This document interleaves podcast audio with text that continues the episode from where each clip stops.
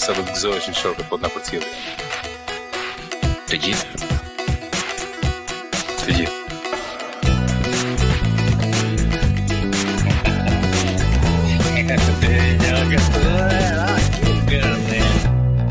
Përshëndetje të gjithëve.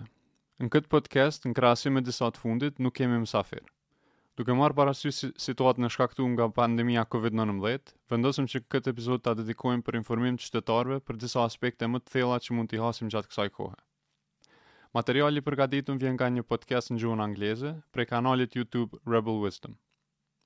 Mysafiri i nikoqirit origjinal është Daniel Schmachtenberger, i cili është ekspert i sistemeve komplekse dhe themeluesi i Neurohacker Collective. kurse intervistuesi është David Fuller, gazetar, filmograf dhe studiues i ideve komplekse. Unë edhe Ermiri e përkthyem këtë intervistë duke e përshtatë ku ka pasur nevojë. Ne do t'i marrim rolet e këtyre personazheve dhe shpresojmë se kjo episod do të jetë po aq informative sa ishte për ne. Pra Daniel, faleminderit që m'u bashkëngjite. E di që ke qenë jashtëzakonisht i zënë ditët e fundit. Ti je fytyrë e njohur për shumë në kanal, dhe shumë prej tyre nuk janë të vetëdijshëm që ke qenë thellësisht i angazhuar në përgjigjen ndaj pandemisë, prej anës mjekësore dhe ekonomike, duke bashkëpunuar me institucione dhe agjencione. Çka do të mbulojmë këtu është një vlerësim të situatës, ku jemi tani dhe cilat janë informacionet kyçe që njerëzit duhet të dinë dhe si të veprojnë me to. Faleminderit David. Ne jemi duke incizuar në njëzet e një mars. Po e them këtë sepse kemi të japim një vlerësim në kohë reale dhe po ashtu rekomandime, shumë prej këtyre rekomandimeve do të do të kenë ndodhur dhe ne do të kemi lëvizur në masa të reja. Vlerësimi do të ketë ndryshuar disa ditë prej tani dhe shumë prej këtij informacioni po ndryshon shumë shpejt. Si hyrje, dua të them se nuk jam doktor mjekësor dhe nuk jam duke dhënë këshilla mjekësore. Unë jam duke punuar me disa grupe për të kërkuar informacione dhe reagime të mira. Do të filloj me një vlerësim të situatës dhe mandej me një vlerësim të rrezikut, se si mund të shpaloset situata duke u bazuar në të panjohurat dhe reagimet e mundshme, mbas asaj do të vazhdoj me rekomandime për reagime, Dhe mbas asaj do të vazhdoj me disa komente për situatën në prapavijë që na solli deri këtu dhe cilat duhet të jenë reagimet tona madhore në kuadër të brishtësisë të sistemit dhe rrezikut katastrofal madhor. Do të filloj me një koment të shkurtër për natyrën e paragjykimit kur vlerësojmë si situata si kjo, sepse shumica e njerëzve kanë parë një gamë të reagimeve prej kjo nuk është punë e madhe, është thjesht një grip deri ky është fundi i botës që e njohim. Shumica e këtyre reagimeve nuk janë mirë të informuara, por edhe në mes atyre të informuara mirë ka një lakore të madhe të përgjigjeve varësisht se si reagojmë dhe hala ka shumë të panjohura. Hala nuk e dimë nëse mbas infektimit dhe shërimit fitojmë imunitet në një nivel ku nuk infektohemi përsëri, ose nuk infektohemi deri në një nivel të caktuar të mutacionit të virusit. Pra duke marrë parasysh se ka shumë të panjohura, përfshirë edhe variabile të përziera, ne arrijmë në një gamë të madhe të vlerësimeve. Do të flas pak për vlerësimin e rrezikut, për disa prej situatave që mund të zhvillohen shumë keq nëse nuk reagojmë mirë, jo sepse do të zhvillohet ashtu, por sepse është e mundshme nëse nuk reagojmë në mënyrë preventative. Kjo është diçka delikate, Kurdo herë që dikush është në pozitën e reagimit të paraprirë, pjesë e punës është të vlerësohen skenaret që nuk dojmë të ndodhin, të rekomandojmë vepra që të parandalohet ndodhia negative. Mbas kësaj, njerëzit që kanë paragjykim ndaj status quo-s thonë që kjo ishte ekzagjerim, ajo prognoza nuk ndodhi. Por ato pikërisht nuk ndodhën për shkak të reagimit preventativ. Pra skenaret që kam t'i sugjeroj shpresoj që nuk ndodhin, por ato munden të ndodhin, dhe që mos të ndodhë kjo, kërkojmë që të marrim seriozisht dhe të reagojmë ashtu që t'i parandalojmë, dhe mbas kësaj mund të themi, shiko, nuk ndodhi pikërisht për shkak se vepruam mirë. Kjo është një prej aspekteve kyçe të paragjykimit. Ne jemi në një situatë ku duhet të veprojmë pa njohuri komplete, dhe derisa vjen koha të fitojmë njohuri komplete, situata do të ndryshojë. Pra edhe mosveprimi është në një lloj veprimi. Ka pasoja për veprimin, por edhe për mosveprimin, njësoj si ka pasoja pavarësisht prej natyrës së saj. Kuarantina shtetërore ka efekt masiv në shëndetin mendor të popullatës, në ekonomi, në shumë sende, dhe mosimplementimi i kuarantinës po ashtu ka efekt masiv. Nuk jemi duke marrë këtë situatë lehtë. Çka po bëjmë është duke i ditur të njohurat dhe të panjohurat, vlerësojmë cilat janë skenaret duke marrë parasysh efektet e rendit të dytë, tretë, katërt, sa keq mund të shkojë dhe cilat janë qasjet e përgjithshme që në të njëjtën kohë t'i ruajnë opsionet që mund t'i veprojmë më mirë kur të marrim informata dhe aftësi më të mira. Pra kjo ishte hyrja. Po fillojmë me vlerësimin e situatës. Mendoj që shumë njerëz kanë një ide më të qartë të rrezikut të vërtetë sesa kishin edhe para disa dite, sepse ndërgjegjësimi i rrezikut aktual po bëhet më i qartë. Qeveria e SHBA-së dhe Britanisë filluan ta ndrrojnë qasjen e tyre falë një punimi shkencor që u publikua nga Imperial College.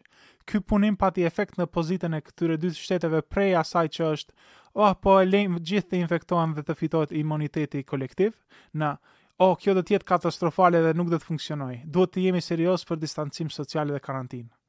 Hala ka shumë njerëz që rreziku i karantinës uh, ju duket më i madh se sa i mos implementimit. Dhe se rreziku viral është i ekzagjeruar, kjo është një prej temave që duhet ta shqyrtoj. Po fillojmë me këtë pra. e krahasojmë proporcionin e vdekjes me atë të gripit. E shohim që është shumë shumë më pak njerëz po vdesin dhe mandej mund të mendojmë që situata është e tepruar ose që ka ndonjëfarë agjende shtetërore për të koncentruar kontroll ose për të krijuar histeri masive ose diçka të ngjashme.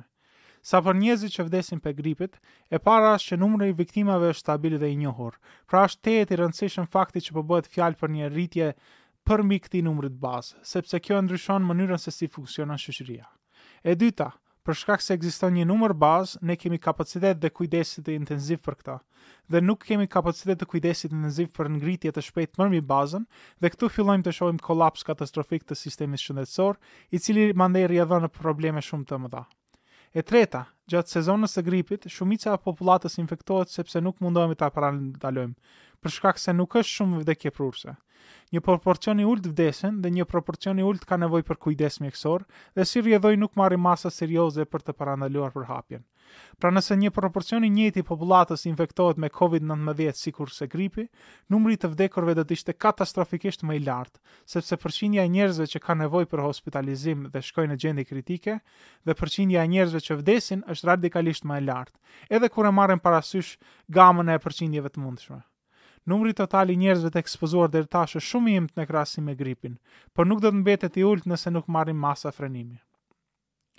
Sëmundja po përhapet në shpejtësi që, nëse nuk merren masa frenimi, mund të vijmë në një situatë të ngopjes brenda dy mujve, që nënkupton gjashtëdhjetë ose shtatëdhjetë për qind e popullatës globale infektohet prej numrit të tashëm, nëse nuk ishin vendosur masa frenimi.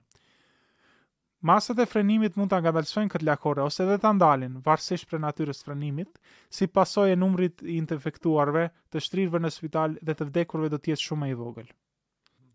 Po ashtu, kur kalkulohet numri i të vdekurve, kalon një kohë prej infektimit për ata për ata persona të infektojnë tjerë dhe të infektuarit mandej të infektojnë ders, edhe tjerë, derisa të arrihet në popullatë më e rrezikuar. Kalon pak kohë prej momentit të infektimit deri në shfaqjen e simptomave, prej shfaqjes së simptomave deri në keqësim ku ka nevojë për shtrirje në spital dhe prej shtrirjes në spital deri në vdekje. Pra ka shumë njerëz që janë herët në këtë lakore, që hala nuk janë të regjistruar si të vdekur, por kjo do të ndodhë. Pra krahasimi i vdekshmërisë me gripin në këtë moment është një numër i madh i gabimeve statistikore që po bëhen njëkohësisht. Kjo është vetëm një prej faktorëve të rëndësishëm. Le të themi që mbrihet një proporcion 60-70% i popullatës që infektohet. Në krahasim me gripin, si do të ishin numrat e të vdekurve? Ka disa numra që janë shumë të rëndësishëm dhe shumica e njerëzve fokusohen në dy ashtu të quajtura R0 dhe CFR. R0 është për çdo person që infektohet, sa të tjerë infektojnë prej tij, dhe CFR në anglisht Case Fatality Rate është prej totalit të infektuarve sa prej tyre vdesin. Numri tjetër që unë mendoj është kritik, po është nuk është aq i përfolur ose i matur, është prej numrit total të infektuar, sa kanë nevojë për shtrirje në spital dhe sa kanë nevojë për kujdes intenziv. Ky numër është kritik sepse prej përqindjes shumë më të madhe të shtrirjes në spital në krahasim me sa vdesin, pasojat që rrjedhin prej kësaj janë shumë më të thella edhe duhet t'i kemi parasysh. Këto tre numra janë variabla, nuk janë ngurtësuar nga natyra e virusit, dhe si pasojë mund të ndryshohen dukshëm prej nivelit të reagimit social dhe institucional. Disa komente për numrin R0. Kur themi se R0 është 2 ose 2.5 ose çfarëdo vlere, ky numër është një mesatare statistike. E para është që ky numër është supozim i bazuar në faktin që nuk e dimë numrin e saktë të infektuarve, për shkak se nuk jemi duke bërë testime masive. Ky numër po ashtu është edhe një mesatare midis njerëzve që rrinë në shtëpi dhe nuk e kanë interaksion me askënd dhe njerëzve që udhëtojnë në metro, bashkëveprojnë me të gjithë dhe kanë kontakt të gjerë, që ne i quajmë super shpërndarës. Pra dikush mund të mos të infektojë askënd dhe dikush mund të infektojë 1000 persona.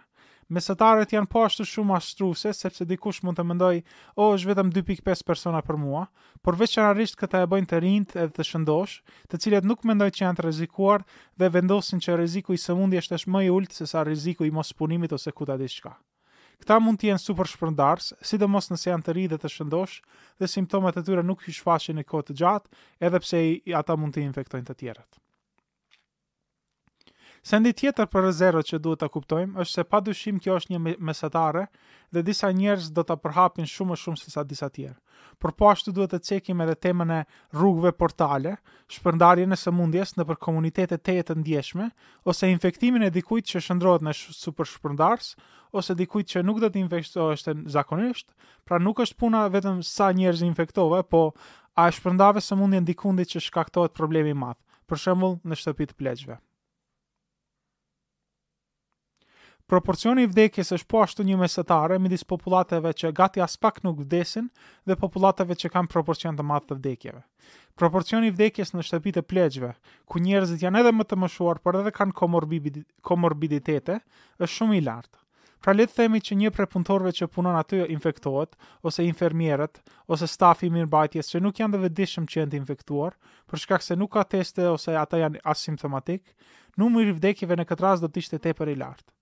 Nëse një punëtor shkon në burg ose uh, ndërtesë të pastrehëve, ose kryen punë sociale në ghetto ose në rajone shumë të, me shumë të pastrehë, nëse këto rajone mund të vendosen në karantinë totale dhe të mbrohen nga infektimi, punët do t'i kishim shumë më mirë, sepse nëse këto infektohen, është jashtëzakonisht vështirë të ndalohet përhapja e mëtutjeshme.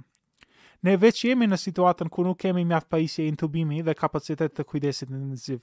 Dhe këto kapacitete të kufizuara nuk do të ishin prioritare për rajonet e lartpërmendura. Në përfundim, duhet të marrim parasysh jo vetëm superpërhapësit, por edhe rrugët portale. Hulumtojeni rastin e pacientit tridhjetë e një në Kore Jugore. Koreja Jugore kishte sëmundjen e frenuar dhe një person i cili nuk ishte i frenuar, pati shumë kontakte sociale. Të gjitha rastet në Kore Jugore besohen se e kanë burimin te ky person. Kjo është një situatë ku nuk duhet ta marrim parasysh vetëm veten, por edhe përhapjen dhe përgjegjësinë sociale. Shkalla e infektimit është variabl masive dhe ne mund ta ndryshojmë. Përqindja e njerëzve që infektohen dhe duhet të shkojnë në spital po ashtu është variabl masive, po ashtu edhe përqindja që vdesin. Asnjë prej këtyre numrave nuk është e ditur shumë saktë, sepse bëhet fjalë për numrin e të infektuarve në pjesëtim me numrin e të vdekurve, po askund nuk kemi numra të saktë për numrin e të infektuarve, Për shkak se nuk jemi duke e testuar mjaftueshëm, shtetet e ndryshme nuk kanë bërë mjaft teste të ngjashme, si rrjedhojë statistikat janë të pasakta. Prej çka shohim, numrat më të mirë janë në Kore të Jugut dhe numrat më të këqij janë në Iran ose Itali. E kur bëhet fjalë për përqindjen e vdekjeve, Korea e Jugut ka zero pikë pesë përqindje të të vdekurve, prej të gjithë njerëzit që infektohen vetëm gjysma e një përqind vdesin. Ndoshta deri në një përqind. Në krahasim me këtë, në disa vende kemi pesë, gjashtë ose shtatë përqind, varësisht si i numërojmë rastet. Pjesërisht kjo ka të bëjë me prekshmërinë e komuniteteve të prekura, padyshim që në Seattle kishte përqindje tepër të lartë të të vdekurve, sepse shfaqja e parë e sëmundjes ishte në shtëpi të pleqve. Prandaj përqindja fillon lart. Por po ashtu përqindja ka të bëjë edhe me natyrën e reagimit. Nëse bëhet diagnoza të hershme, jo vetëm që mund të bëhet një përmbajtje e mençur dhe ndalimi i përhapjes, por po ashtu mund të fillojë trajtimi i hershëm i sëmundjes, që nënkupton gjasat për një infeksion të rëndë ulen dramatikisht. Ky është një virus i llojit të ri, që nënkupton që nuk është virus i mëparshëm njerëzor, prandaj edhe nuk kemi imunitet, po ashtu nuk ka as vaksina, as ilaçe të zhvilluara. Po siç duket e gjithë bota është mobilizuar të mësojë sa më shpejt. Është zbuluar që klorokuinë është efektive, hidroksiklorokuinë është edhe më efektive, po ashtu edhe ka më pak efekte anësore. Kombinimi i hidroksiklorokuinë me timosinë po duket shumë efektiv, por ky kombinim nuk është pa pasoja, e në këtë rast paraqiten efekte retinopatike, efekte ndaj zemrës. Po ashtu ka furnizim të kufizuar të hidroksiklorokuinës, veç ekzistojnë shumë njerëz jeta e cilëve varet prej këtij ilaçi, e ata vuajnë prej lupus dhe këta veç po kanë probleme të mëdhaja të gjejnë ilaçin. Ky fenomen fillon mandej të shkaktojë vdekje, hospitalizime, probleme shëndetësore për arsye tjera. Po bëhet hulumtim në shumë substanca antivirale që po duken të kenë potencial, siç janë inhibitor citokin, ACE2 modulator në transfuzionin e antitrupave me plazma. Nuk mendoj që bota ka pasur kurrë më herët një situatë ku kemi mësuar kaq shpejt për tema mjekësore. Kjo është një arsye tjetër pse duhet radikalisht ta ngadalësojmë lakoren e sëmundjeve, sepse jemi shumë më pak të përgatitur sot se sa do të jemi në çdo ditë që vjen, si pasojë e mësimit të mëtutjeshëm. Shumë mjekë veç janë duke trajtuar sëmundjen me hidroksiklorokuinë, timosinë, po dhe thjesht me infuzionet e lëngjeve. Le të themi që kemi mundësinë të trajtojmë herët uh, rastet me këto ilaçe. Shumica e këtyre njerëzve që nuk do të kishin nevojë fare të shkojnë në kujdes intensiv, edhe nëse të njëjtit do të shkonin nëse ish, nuk ishin trajtuar. Kurse shumë prej njerëzve që mbërrijnë të shkojnë në spital, nuk do të kenë nevojë për intubacion dhe nuk do të vdesin. Pra diagnoza e hershme dhe trajtimi i hershëm ndryshojnë lakoren e sëmundjes edhe për njerëzit që infektohen. Diagnoza e hershme po ashtu ndryshon lakoren e numrit të njerëzve që infektohen prej të sëmurëve. Mund të kemi situatë ku një përqindje tepër e lartë të infektuarve ka nevojë për kujdes intensiv, rreth 20% e popullatës. Mund të kemi situatë ku gati askush nuk ka nevojë për kujdes intenziv, për shkak se jemi duke testuar universalisht dhe iu japim trajtim të mirë mjekësor të sëmurëve. Është e rëndësishme të kuptojmë se sa sa variabile janë këto numra, njësoj si përqindja e të vdekurve. Nuk është aspak e vërtetë që kjo është një sëmundje serioze vetëm për njerëz të moshuar me komorbiditete. është kryesisht vdekjeprurëse për këta njerëz, por gjysma e njerëzve në Itali që janë të intubuar, që nënkupton se ka një gyp në mushkëri që i mban gjallë, janë nën gjashtëdhjetë vjet. Shumë prej këtyre nuk do të mbeteshin gjallë nëse nuk kishin pasur qasje në këto pajisje. Pra është e rëndësishme të kuptohet se një arsye pse përqindjet e vdekjeve janë të ulta është sepse njerëzit e prekur varen prej sistemeve të mbështetjes të jetës, dhe nëse në këto sisteme dështojnë, përqindja e të vdekurve fluturon menjëherë lart.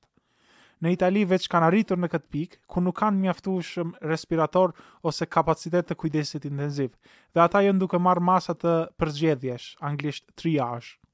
Disa njerëz thjesht po detyrohen për të vdekur sepse nuk kanë mundësi tjera.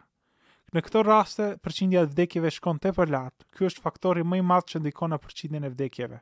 E kjo është mbingarkesa e kapaciteteve të kujdesit intenziv. Në këto raste njerëzit nuk mund të trajtohen për koronavirus dhe mandej vdesin. Po ashtu mund të shfaqen edhe situata ku spitali mbingarkohet dhe njerëzit nuk mund të trajtohen për sëmundje tjera që zakonisht mbijetohen, si për shembull sulmi në zemër, goditje në tru, plagë me gjakderdhje etj. Në këto raste, ambulancat po ashtu marrin shumë kohë për të arritur në shtëpi të njerëzve. Është e rëndësishme të kuptohet se gjitha këto numra, prej shpërndarjes të sëmundjes, numri i njerëzve në spital, numri i të vdekurve janë të ndryshueshme. Rekomandimet që do t'i shpërndajmë janë ato që i ulin këto numra. Por këto numra mund të rriten në mënyrë ekstreme nëse nuk reagojmë në mënyrën e duhur. Mund të vijë situata e infektimit deri në ngopje, mund t'i mbingarkojmë njësitet e kujdesit intensiv, e nëse ndodh kjo numri i të vdekurve rritet shumë. E mos të përmendim çka do të jetë efekti pasues në infrastrukturë, siguri kombëtare, ekonomi. A të fillojmë atëherë me efektet dytësore? Po, patjetër. Pra këto efekte nuk kanë qenë të qarta te shumica, por po fillojnë të qartësohen. Ti e pate një mysafir më herët që i kishte shkruajtur disa artikuj të jashtëzakonshëm për këtë temë. Emrin e kishte Poja, apo? Tomas Pueyo, po. Ah po. Lexoni i artikujt e tij, janë shumë të mirë. Ky lloj informacionit ka filluar të qartësohet. Hapi i radhës është edhe t'i shikojmë efektet shëndetësore të rendit të parë. Këto janë efekte direkte të virusit ndaj individit. Por para se të bisedojmë efektet e rendit dytë, le të qartësojmë disa të panjohura. A fitohet imuniteti mbas shërimit? Nuk e dimë. Pra nuk dimë mjaft për t'u përgjigjur pyetjeve të imunitetit kolektiv. Duhet të ceki, se bëhet fjalë për informata deri në datën njëzet e një mars. Disa ditë prej sot mund të dimë shumë më shumë. Ekzistojnë raste në Kinë dhe në Japoni të njerëzve të diagnostifikuar me Covid nëntëmbëdhjetë, të cilët u shëruan, por u infektuan përsëri. A u shëruan plotësisht dhe më vonë u riinfektuan nga jashtë, ose a është situata ku nuk e hoqën qafe virusin plotësisht dhe iu rikthye në sistem, ose a është situata ku ekspozimi i dytë është sëmundje tjetër si gripi i zakonshëm, këto nuk e dimë. Nuk ka qartësi që çka ndodhi. Po ashtu ka reagime të antitrupave te njerëzit që smuren, po fillojnë edhe të shërohen. Po çka është duke bërë ky reagim i antitrupave? Ndaj çka është duke u aktivizuar? As për këtë nuk e dimë ende.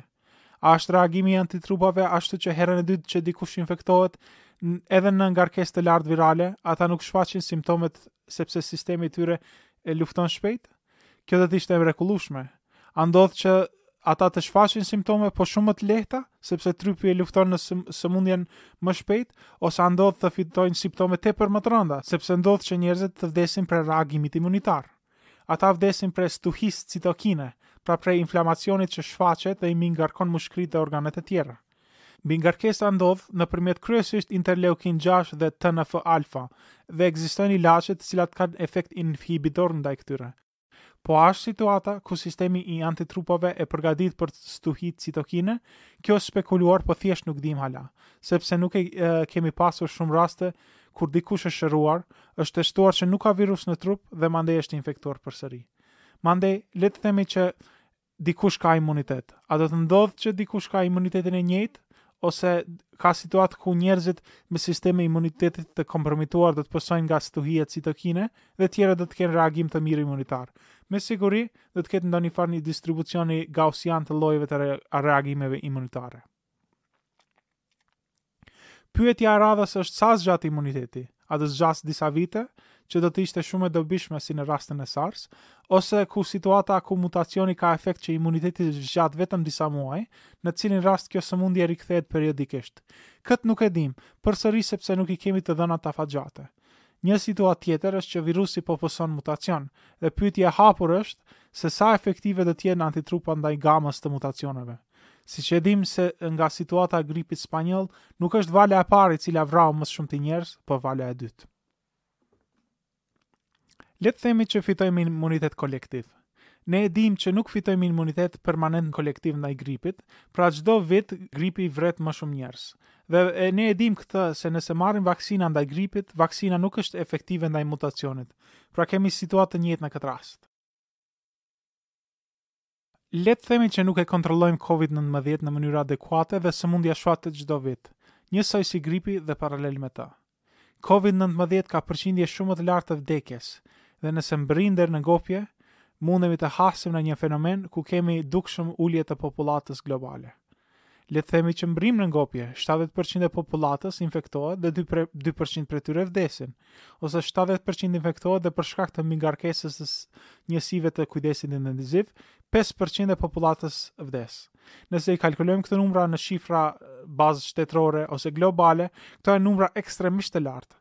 Ekzistojnë numra si 1 milion, 10 milion në SHBA, varësisht prej përqindjes së vdekjes dhe si paraqiten këto lakore. Më duket që numri i ushtarëve amerikanë që vdiqën në luftën e Vietnamit brenda 11 viteve ishte rreth 50.000 ose diçka aty afër. Pra mendoni për shumëzuesit që i kemi para syve.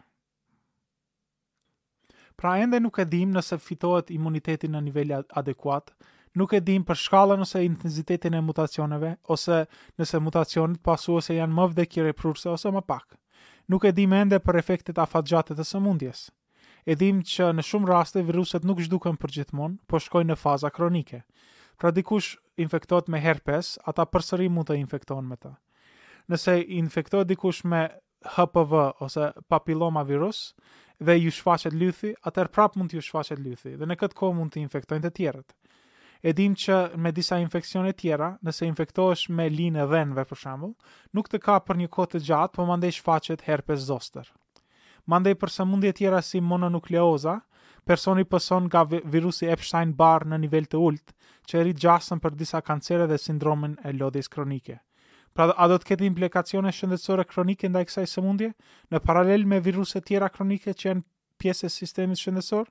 Si më herët, kjo është një temë totalisht e panjohur. Mandej, njerëzit që sëmuren seriozisht por nuk vdesin, skenimet CT të mushkrive të tyre tregojnë dëm serioz ndaj mushkrive, disa prej tyre shfaqin dëm serioz edhe ndaj zemrës, si kardiomiopatia, pra ekziston dëm afatgjatë që ndikon në jetëgjatësinë e atij personit. jo nëpërmjet efektit viral, por prej efektit të dëmit trupor. Ne e dimë që po ndodh dëm trupor që mbetet me afat të gjatë, patjetër që nuk e dimë se si duket kjo mbas 2 ose 3 viteve.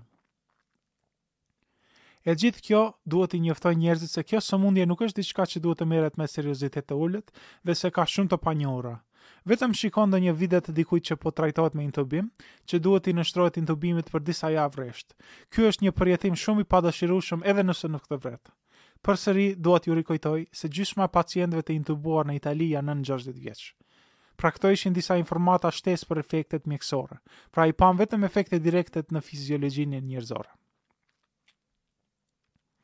Tani shohim efektet e rendit të dytë. Pra cili është efekti ndaj sistemit mjekësor prej majave të ngarkesës, që janë më të larta se sa kapaciteti zakonshëm i planifikuar.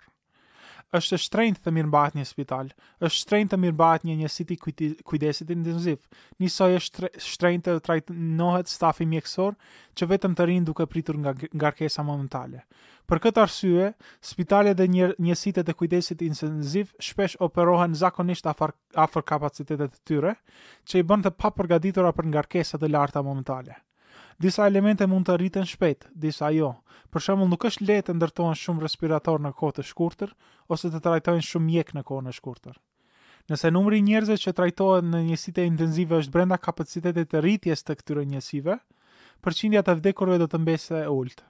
Nëse kapaciteti tejkalohet dhe njësitë intensive duhet të bëjnë përzgjedhjen se kush shtrihet në spital e kush nuk shtrihet, përqindja të vdekurve do të rritet.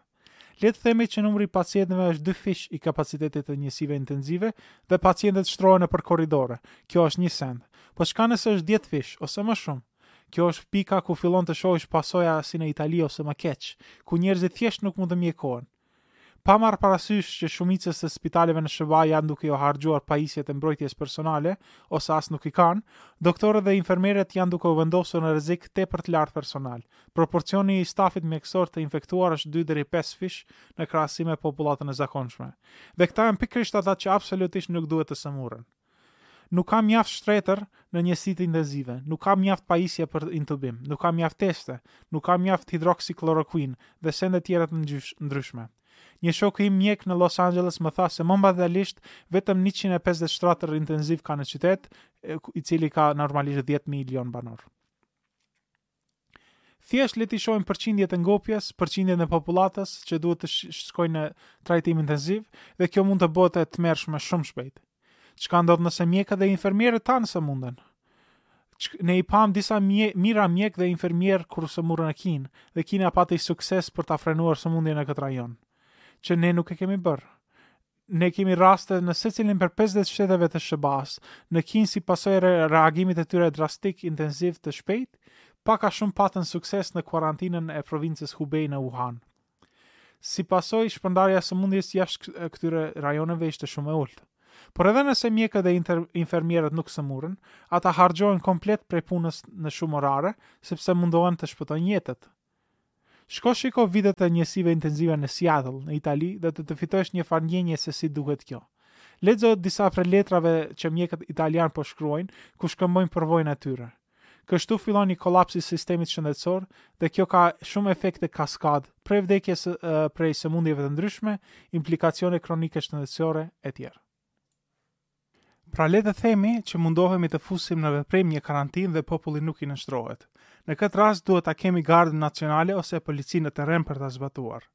Nëse i sheh videot në Kinë, Hong Kong ose Kore Jugore, do të vëresh se policia ose ekuivalenta e Gardës Nacionale atje, gjithë janë duke veshur rroba hazmat. Dhe mjekët, infermierët, pastruesit e komunës, mblidhësit e mbeturinave, të gjithë janë veshur me pajisje mjaft intensive mbrojtëse. kurse stafi i linjës së parë janë veshur po ashtu me rroba hazmat. Në dijenin time dhe me komunikim aktiv që kam bërë, as SHBA-ja, as Britania nuk kanë shumë rroba mbrojtëse në dispozicion, po as trajnimin që t'i shpërndajnë këto pajisje në stafin e rendit të parë që ka nevojë për to më së shumti. Pra duhet të gjejmë pajisjet e prirë, t'i dorëzojmë në stafin e përzgjedhur që kanë nevojë për to më së shumti t'i trajnojmë në përdorimin e tyre, t'i prodhojmë më shumë, e të gjitha këto t'i bëjmë menjëherë, sepse një prej sendeve që e vren për këto punë është se ata kanë kontakt tepër të lartë me njëri-tjetrin. Policia udhëtojnë së bashku nëpër kamion, janë së bashku në dhoma ndrimi, njësoj edhe Garda Nacionale, stafi i ambulancave dhe për shkak të periudhës të gjatë asimptomatike, që është 2 deri 21 ditë, me më shumë raste shërohen me simptoma shumë të lehta, Gjatë gjithë kësaj kohës këta njerëz mund ta shpërndajnë sëmundjen, në ndërkohë ne nuk kemi teste. Çka ndodh nëse një proporcion i madh i policisë infektohet, ose Garda Nacionale, ose ushtria, ose rojet e burgjeve, ose shërbimet e infrastrukturës kritike, ose zinxhiri i furnizimit? Pra këtu fillojmë të shohim dështimet kaskadë të rendit të tretë. Dhe këto janë rreziqe tepër më të larta sesa vetë virusi. Është shumë e qartë që çdokush nuk mund të jetë në karantinë, sepse që shumica të mund të rrinë në shtëpi, rryma duhet të mbesë aktiv, njësoj me ujin, internetin, duhet të ketë ndonjë mënyrë që supermarketet të jenë të hapura në mënyrë të përzgjedhur, ose të ketë mekanizma të porosisë të ushqimit ose barnave.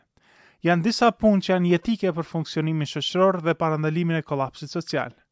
Të gjithë këta punëtorë kanë nevojë për pajisje mbrojtëse ose rroba hazmat, varësisht prej nivelit të ekspozimit që e kanë. Iu duhet trajnim si ta përdorin dhe iu duhet sigurim i rrogave ashtu që mos hyjnë në grevë. Ky nuk është momenti kur stafi i sanitacionit të sëmuren ose të hyjë në grevë, ku si pasojë fillojnë të shfaqen efekte mjekësore shtesë, si murtaja. Njësoj me problemet e shërbimeve tjera kritike të infrastrukturës. Po kjo mund të ndodhë, në Itali e pamë disa raste të burgjeve ku të burgosurit revoltuan dhe morën kontrollin. Ose si pasojë e rojeve që nuk deshin të shkonin në punë, ose u sëmurën ose sendeve të ngjashme. SHBA-ja ka përqindje shumë më të lartë të të burgosurve se sa cilido shtet tjetër. Burgjet do të jenë shumë të rrezikuara ndaj infektimit nëse përhapet, e të burgosurit e dinë që nuk janë prioritarë për intubim. Pra çka nënkupton kjo për mentalitetin e njerëzve brenda? Këto janë disa prej efekteve shtesë që duhet të mendohen dhe t'iu paraprihen zgjidhje. Ne po ashtu kemi edhe efekte të lidhura, që janë të pavarura prej virusit, por kanë efekt në situatën e gjerë. Në SHBA po fillon sezona e përmbytjeve, që është gjë normale në kohën e reshjeve. Por pyetja është se si përzihen grimcat e sëmundjes në skenare ujore, kur çdokush është duke ecur në ujë që e mbrin nyjen e këmbës ose deri te gjujtë. Si zbatohet karantina dhe frenimi kur duhet të lëvizin njerëzit për shkak të përmbytjeve? Çfarë efekti ky ka në alokimin e resurseve mjekësore, të stafit emergjent? Sapo kishim një tërmet të vogël në Utah, që i zgjoi njerëzit të mendojnë, Oh, katastrofa tjera zakonisht nuk pauzojnë. Dhe duke u afruar verës, ne dhe mendojmë se si kaluan vitin e kaluar sezonin e djegies të pyjeve në Kaliforni, pra çka ndodh kur jemi në karantinë dhe fillon djegja e pyjeve, ose në Floridë me sezonin e uraganëve, ose ku ta dish çka. Pra duhet të mendojmë për përgatitjen e përgjithshme edhe në këto çështje, kur e zbatuam karantinën dhe e humbim atë për ndonjë shkak ose ndonjë çështje tjetër, ose nuk mund të reagojmë dhe si pasojë vdesin më shumë njerëz se zakonisht, ose kolapson infrastruktura për shkak se stafi i përgatitur për këtë janë drejtuar dikund tjetër, ose janë të sëmurë, ose janë të lodhëm, ose të ngjashëm. Tani duhet të shohim edhe efektet politike. A mund të kemi situatë ku shtetet janë në zgjedhje gjatë një karantine? Për SHBA, përgjigja është po. A kemi një ndonjë sistem të votimit digjital që është i sigurt, i gatshëm dhe ku mund të votohet prej në shtëpi? Jo, dhe për të arritur në këtë pikë, nuk kemi asnjë precedent. Nuk kemi as precedent për një murtajë, për një pandemi gjatë votimit. Që të sigurojmë që njerëzit dalin e votojnë, a jemi të gatshëm të rrezikojmë rritje të infektimit dhe të krijimit të një vali infektimi, që mandej duhet të reagojmë? A ndryshon kjo demografinë e votuesve e tjerë? Pra, ekziston një varg i madh i pyetjeve. patjetër duhet përballuar edhe me situatën ekonomike. Veç e kemi parë humbjen në triliona të dollarëve nëpër tregje prej kur filloi kjo situatë. Nëse e marrim parasysh për SHBA-në, Britaninë ose cilindo shtet në botë, PBB ose GDP për një muaj dhe mendojmë se sa një kuarantinë Njerëzit janë duke ndejtur në shtëpi, nuk jemi duke i parë vetëm klasat e aseteve efektive, ku bëhet tregtia prej frigës, dhe nuk jemi duke parë vetëm efektin te linjat ajrore ose disa industri specifike, por në gjitha restoranet, në të gjitha aktivitetet sportive, turistike, bizneset e vogla, gjithë këto nën karantinë. Pra nuk jemi duke e parë vetëm efektin ndaj sektorit financial, por në ekonominë aktuale dhe reale të produktivitetit dhe dinamikës të furnizimit dhe kërkesës. Si pasojë, e shohim ulje të ekonomisë në karantinë për tridhjetë për qind, dyzet për qind ose ku ta di sa. Pra le të shohim PBB të SHBA për një muaj. Le të shohim se si humbet tridhjetë për qind, dyzet për qind e asaj dhe krejt kjo duhet të subvencionohet vetëm sa për të dalur barabartë. E mos folim mandej për rritje të kapacitetit të njësive intenzive, aftësive diagnostike e tjerë. ose edhe efekti ndaj ndihmave ndërkombëtare që na sjell te tema e radhës. Mund të flasim hala për ekonominë. 70 për qind e amerikanëve jetojnë prej rroge në rrogë dhe nuk kanë mundësi të nënshtrohen gjatë ndaj një karantinës. Këta do të jenë nën presion të punojnë dhe të shpërndajnë infektimin. Që këta të rrinë në shtëpi do të jetë do të ketë nevojë për përkrahje ekonomike dhe paketa të stimulimit. Këto janë veç duke u diskutuar, që është shumë e mirë, po këtu përfshihen edhe ngrirja e pagesave të qirave dhe hipotekave, dhe implementimi i të hyrave bazike universale, ose ndonjë farë aftësie të shpërndarjes të ushqimit dhe mjekimeve. Do të ketë nevojë për mbrojtje të bizneseve të vogla, që të mos ketë shkarkime masive prej pune, sepse nëse shfaqet bankroti dhe kolapsi i bizneseve të vogla, ato nuk mund të rindërtohen shpejt. Ekziston një kohë e mësimit derisa rindërtohen sendet, njësoj sikur kur totalisht prehet një pyll nuk rritet menjëherë. Pra ka shumë tema në sferën ekonomike që duhet të zgjidhen. Sfera gjeopolitike është në fakt ku janë shqetësimet e mia kryesore. Po e ndaj me ju një skenar, nuk është i vetmi. Veç po e shohim Arabinë Saudite dhe Rusinë në skenar të luftës çmimeve të naftës. Kjo mund të përfundojë në shumë mënyra të çuditshme. Si kjo mund të ketë edhe shumë skenare të ndryshme, por le të fokusohemi ne në raportet SHBA-Kinë dhe vendosjen e përgjithshme gjeopolitike. Një herë, le ta shohim se si mund të jetë epidemiologjia për gjithë botën, që është e panjohur. Fillimisht, kishte një shpresë që Covid nëntëmbëdhjetë do të kishte një sezonalitet, ose do të lehtësohej dukshëm gjatë verës, ose si pasojë e temperaturës nuk do t'i prekte shtetet e ngrohta aq fort. Tani, mund të shohim shpërndarjen e shpejtë në Brazil dhe në shtete tjera më të ngrohta aziatike. Pra kjo shpresë është shuar, dhe si po duket nuk ka asnjë vend që nuk është i prekshëm. Ekzistojnë vende që janë më herët në lakore, disa që janë më vonë në lakore, disa që hala nuk janë prekur, por nëse nuk merret ndonjë masë gjigante për të mos u prekur, eventualisht do t'ju ndodhë edhe tyre. Specifikisht, çka ndodh kur India preket nga sëmundja? Kina ka një popullatë masive, por ata nuk kishin nevojë të vendosin popullatën e tyre totale në karantinë. Ata vendosën disa masa ndaj gjithë popullatës, po ishin të aftë të frenojnë sëmundjen vetëm në një provincë me sukses të madh. Çka bën India me popullatë shumë të madhe, me dendësi të popullatës shumë të madhe, me bashkëveprim shumë të madh, me numër të vogël të njësive intenzive për kokë banori, me aftësi të ulëta higjienike për numër të madh popullatës, dhe vetëm imagjino çka ka të ndodhë nëse nuk ka masa mbrojtëse për ngjitjen e sëmundjes. Çka ndodh? Njësoj me Mexico City, Lagos, Bangladesh, që kanë popullata shumë të larta, shumëzuar me dendësi të lartë të popullatës, por pa kapacitete të mira përgatitore. Ne mund ta shohim që shtetet e botës së parë, pra të zhvilluara, po shkatërrohen. Po shohim se si Italia është në atë pozitë, njësoj me shtetet e tjera evropiane. Merkeli tha që me siguri shtatëdhjetë për qind e popullatës gjermane do të infektohet eventualisht. Ne po shohim çka po i ndodh Bashkimit Evropian si pasojë, sepse Bashkimi Evropian nuk po e përkrah Italinë, nuk kanë mundësi ta përkrahin Evropën Lindore, dhe Kina po hyn këtu dhe po ofron ndihmë. Kina ishte e para në lakore të sëmundjes, po ashtu morën masa tepër të forta, pra ata janë më përpara prej të gjithëve në gatishmëri për të ofruar ndihma ndërkombëtare. Kina veçse ishte vendi që prodhonte shumicën e pajisjeve mjekësore. Pra, prej një këndvështrimi, dhe mos harrojmë që Kina pati goditje shumë të madhe ekonomike, Kishte shumë kompani që deshën të tërhiqen nga prodhimi në Kinë, që mund të jetë godis, goditje shtesë afatgjatë për Kinën, sepse eksporti është një pjesë shumë e madhe e ekonomisë të tyre. Situata po ashtu pati efekte të sentimentit negativ ndaj tyre, pra në disa mënyra u goditën tepër rëndë, por anën tjetër dy muaj kaluan dhe kanë filluar të lehtësojnë karantinën. Nuk kanë raste të reja në Wuhan dhe janë duke u hapur përsëri në përgjithë shtetin dyqanet e Apple dhe Starbucks. Plus, ata po ofrojnë maska, ventilatorë, trajnim, ndihmë dhe njohuri dhe pajisje mjekësore vendeve që kanë nevojë për to. E pamë këtë në Itali, në disa shtete të Evropës Lindore, e pamë edhe ndaj BE-së në përgjithësi. Në shumë mënyra, Kina është në pozitë shumë më të fortë se sa ka qenë ndonjëherë, sepse janë në rrugë të tejkalimit të kësaj situate. Ata u mobilizuan në formë krize luftarake dhe ata veç i kanë pajisjet mjekësore etj. Ata veç ishin shumë të aftë gjeopolitikisht, me iniciativën e tyre brez dhe rrugë, dhe krejt punën që ishin duke bërë për të fituar përkrahje dhe koordinim ndërkombëtar për agjendet e tyre politike. Në krahasim me këtë, SHBA po duket sikur po lëviz në një prej pozitave më të dobëta gjeopolitike në një kohë shumë të gjatë. Për shkak të mosreagimit të fortë dhe të shpejtë, dhe për shkak se nuk bën kuarantinë të specializuar, sepse kemi njerëz të infektuar në secilin prej pesëdhjetë shteteve, po ashtu nuk i kemi diagnozat e gatshme, a mund si pasojë të jemi në pozitë të brishtë për një kohë të gjatë? Kam dëgjuar qeverinë e SHBA-së dhe Britanisë që të bisedojnë për kohëzgjatje të situatës deri tetëmbëdhjetë muaj. Kjo mbas analizës të punimit shkencor nga Imperial College. E çka ndodh nëse Kina është në pozitë shumë të fortë, SHBA në shumë në në pozitë shumë të dobët?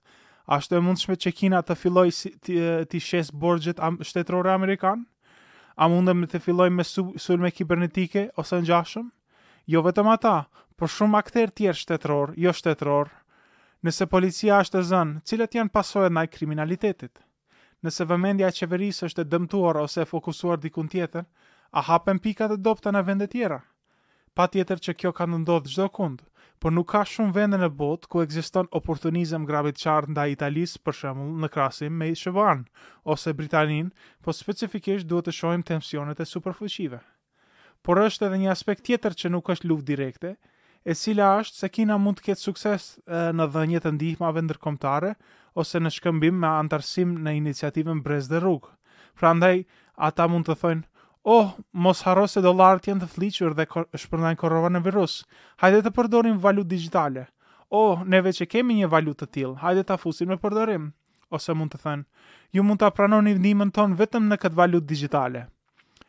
Kjo veç ka qenë në faza planifikimi, ndaj kësaj më paralajmëroi fillimisht Alex Gladstein nga Fondacioni i Drejtave Njerëzore, ku ka shumë shtete të cilat janë veç plotësisht të varura nga infrastruktura kineze, si për shembull telekomi kinez është telekomi i vetëm. Po ashtu është edhe fenomeni i huadhënies grabitqare, ose ai i infrastrukturës kyçe, ashtu që mund të thojnë që pagesën e pranojnë vetëm në portalin e tyre digjital. Po për shkak se është sistem i përkrahur nga qeveria, nuk ka asnjë farë anonimiteti.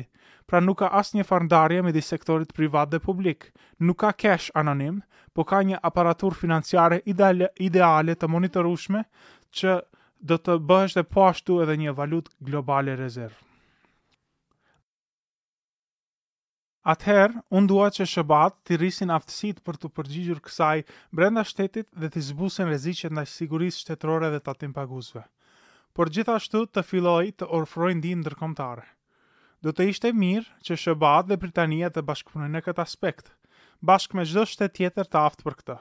Mirëpo kjo do të kërkonte një mobilizim të shkallës së Luftës Dytë Botërore, Shohim se sektori privat veç se ka filluar të ofrojë ndihmë për këtë. Shohim se sektori privat i Kinës ka filluar të ofrojë ndihmë. Pra, Jack Ma që thotë që do të prodhojë pajisje mbrojtëse dhe gjëra tjera kyçe për SHBA-të.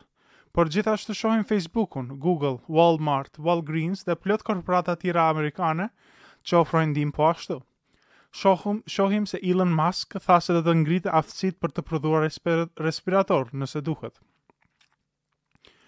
Unë shumë do të kisha dëshirë të shoh kompani si të Elonit duke prodhuar respiratorë, jo vetëm për nevojat e SHBA-ve, po edhe për të ofruar ndihmë në botën në përgjithësi, Pra duhet të kemi kujdes kur angazhojmë sektorin privat, sepse ato kompani që kanë aftësitë më të mëdha për të ndihmuar në këtë rast, janë gjithashtu ato të cilat veçse kishin fuqi tejet të madhe dhe ishin thuajse të gjitha monopole. Pra Amazoni ka aftësi të hatashme logjistike për të dërguar çdo gjë në dyert të njerëzve nën karantinë. Dhe ata veçse ishin forca dominante e tregut. Facebook-u ka aftësi të hatashme për të bërë ashtuquajtur contact tracing, ku nëse dikush është i infektuar, atëherë mundemi t'i shohim gjithë personat me të cilët ata kanë qenë në kontakt paraprakisht. Dhe kështu mund të parashohim se ku do të ngritet dramatikisht nevoja për repartin e kujdesit intenziv. Pra, nuk dojmë që këto aftësi të ndizen dhe pastaj mos fiken kurrë. Prandaj të angazhojmë sektorin privat në mënyrë që t'i përdorim aftësitë e tyre, pa shembur demokracinë dhe pa iu dhënë informata të tepërta. Pra as nuk bën të jemi shumë të ngadalshëm në përgjigjen tonë për shkak të rritjes tejet të madhe të infektimit. Por as nuk duhet të ngutemi dhe ta bëjmë gab gabime afatgjate. Kjo kërkon mobilizim dhe koordinim super të shpejtë. Ka shumë shembuj tjerë që mund t'i japim. As nuk i kemi diskutuar se cilat do të jenë pasojat e krizës të së shëndetit mental, ndryshimet rrënjësore shoqërore, si do të ndikojë numri i madh i të vdekurve të moshuar në strukturat familjare, Apo cili është ndikimi i humbjes së mësimit shkollor për periudha të gjata te fëmijët? Pra ka shumë faktorë të cilët duhet të konsiderohen. Sa martesa mbijetojnë vetëm sepse bashkëshortët i shmangen njëri-tjetrin në shumicën e kohës? Apo rastet kur fëmijët nuk vijojnë mësimin dhe babaja është elektricist, kurse nëna motër medicinale dhe asnjëri nuk mund të rrijë në shtëpi me fëmijët? Theksove disa nga efektet e karantinës dhe ndoshta disa njerëz mund të mendojnë a është karantina më keq se vetë sëmundja. Jo, në asnjë mënyrë. Nëse fitojmë imunitet kolektiv, gjë që nuk e dimë, ajo duhet të ndodhë sa më ngadalë që në mënyrë mos t'i mbingarkojmë repartet e njësive intenzive. Kjo nënkupton se duhet ta bëjmë çdo gjë të mundshme që të parandalojmë mbingarkimin e spitaleve. Nëse nuk fitojmë imunitet kolektiv, atëherë kemi arsye edhe më të madhe për të parandaluar mbingarkimin e spitaleve dhe infektimin e njerëzve, për shkak se as nuk i ndihmojmë nëse sëmuremi dhe e kalojmë. Përkundrazi, duhet të rrisim numrin e diagnostifikimit dhe trajtimit, gjë e cila do të na ofrojë zgjidhje afatgjate. Tetëmbëdhjetë muaj karantinë do të ishte shumë shumë keq. Mirëpo, dy apo tre muaj janë të përballueshme. Kishat duhet të deklarojnë se nuk do të mblidhen fizikisht, po se do të garantojnë që kushdo që ndjehet i vetmuar do të ketë mundësi për të folur me telefon ose me Skype dhe se po ofrojnë ndihmë shpirtërore dhe psikologjike. Se po sigurohen që njerëz që nuk kanë shumë resurse apo që janë të moshuar dhe të rrezikuar do të kenë resurse të mjaftueshme. Ka shumë gjëra që mund të bëhen për të ofruar ndihmë. Unë kam një propozim që kisha dëshirë të ndodhë. Do të doja të shihja që SHBA-të të zbatojnë një karantinë mbarështetërore menjëherë. Kjo do të thotë se nëse puna jote nuk është kyçe për funksionimin e shtetit, atëherë ti duhet të rrish në shtëpi. Dhe nëse puna jote është në mjekësi apo në ndonjë sektor kritik të shtetit, atëherë shteti duhet të të ofrojë pajisje mbrojtëse dhe trajnim për të gjithë ata që punojnë. Trajnimi është kyç, sepse nëse je i pa, me, i pajisur me pajisje mbrojtëse, por nuk din ta përdorish, apo ndoshta të prek diçka prej jashtë, përderisa je duke veshur atë, atëherë ato veshje janë totalisht të pavlera. Por edhe kemi raste si të Koresë Jugore, ku edhe pse masat preventive dështuan dhe shumë u infektuan, ata prapë se prapë reaguan shumë shpejt dhe zbarantuan karantinën, zbarantuan distancim social dhe diagnostifikimin dhe gjurmimin në fillim, dhe shohim se si lakorja stabilizohet shumë shpejt. Dhe është me rëndësi të kuptojmë se Korea Jugore është demokraci, dhe kjo tregon se ka mënyra të ndryshme të qasjes ndaj problemit, dhe jo vetëm me masa drakonike nga një autokraci si Kina. Por edhe ato masa drakonike do të duken humane kur krahasojmë me Italinë e vogël, e cila ka madhësinë jo sa të Kinës, po vetëm sa provinca Hubei në Kinë, po e cila ka pasur shumë më shumë humbje jetës se sa Kina dhe kemi dhe ende jemi vetëm në fillim të lakorës së tyre. Kjo duhet kuptuar si diçka radikalisht jonjerëzore, që të mos ketë përgjigje të shpejta në infektimet. Dhe nuk jemi duke i parë këto përgjigje të shpejta në SHBA dhe Britani për shembull, por edhe në përgjithësi. Pse mendon se po ndodh kjo? Çka nuk po kuptojnë njerëzit? A natyrën e rritjes eksponenciale apo diçka tjetër? Mendoj se studimi i Imperial College me të vërtetë iu ndërroi pikëpamjen SHBA-ve dhe Britanisë të Madhe, për shkak se kuptuan që, oh, kjo nuk është vetëm një grip, kjo është punë serioze. Dhe shembja e sistemit shëndetësor është rrezik i vërtetë dhe ende nuk e dimë a mund të krijojmë imunitet në këtë apo jo. Pra mendësia naive se, oh, kjo nuk është punë e madhe apo të gjithëve na duhet imuniteti kolektiv, kuptohet se është marrëzi dhe dhe që është ide totalisht pa bazë në shkencë. Duhet kuptuar se edhe pse për momentin numri i popullatës së afektuar është shumë i vogël, shohim si brenda tri ditëve kemi dyfishim të numrit dhe kjo shkakton ndryshim drastik i cili na shpie te pika e ngopjes brenda dy muajve. E kur flasim për ngopje të shtatëdhjetë për qind të popullatës brenda dy muajve, duhet të kuptojmë se kjo ndodh vetëm nëse nuk marrim asnjë masë preventive. Dhe është shumë e qartë se masat veçse janë duke u zbatuar si nga shteti ashtu edhe nga individët. Pra patjetër që lakorja do të ulet, mirëpo ajo duhet të ulet shumë më radikalisht. Atëherë pse nuk kemi ndërmarrë masa më radikale? Mendoj që është një kombinim i faktorëve si gabim në kalkulim, frikë nga pasojat ekonomike dhe mungesë e kalkulimit të pasojave reale të infektimit në shkallë katastrofike si dhe dështimi i koordinimit dhe ndalja, ndarja e resurseve ndaj agjencive, të cilat dinë se si të përgjigjen ndaj situatës më së miri. Mirëpo, nuk dua që të përqendrohem te gabimet dhe kush bëri çfarë budallallëku, për shkak se kjo vetëm krijon edhe më shumë dështim koordinimi. Unë dua ne që të gjithë të bashkëpunojmë në mënyrë të paanshme që ta kalojmë këtë gjë.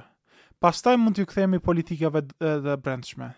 Mirëpo nëse ke, këtë kohë kemi ndarje politike, atëherë shumë më shumë njerëz do të vdesin dhe efektet katastrofike do të jenë edhe më të rënda.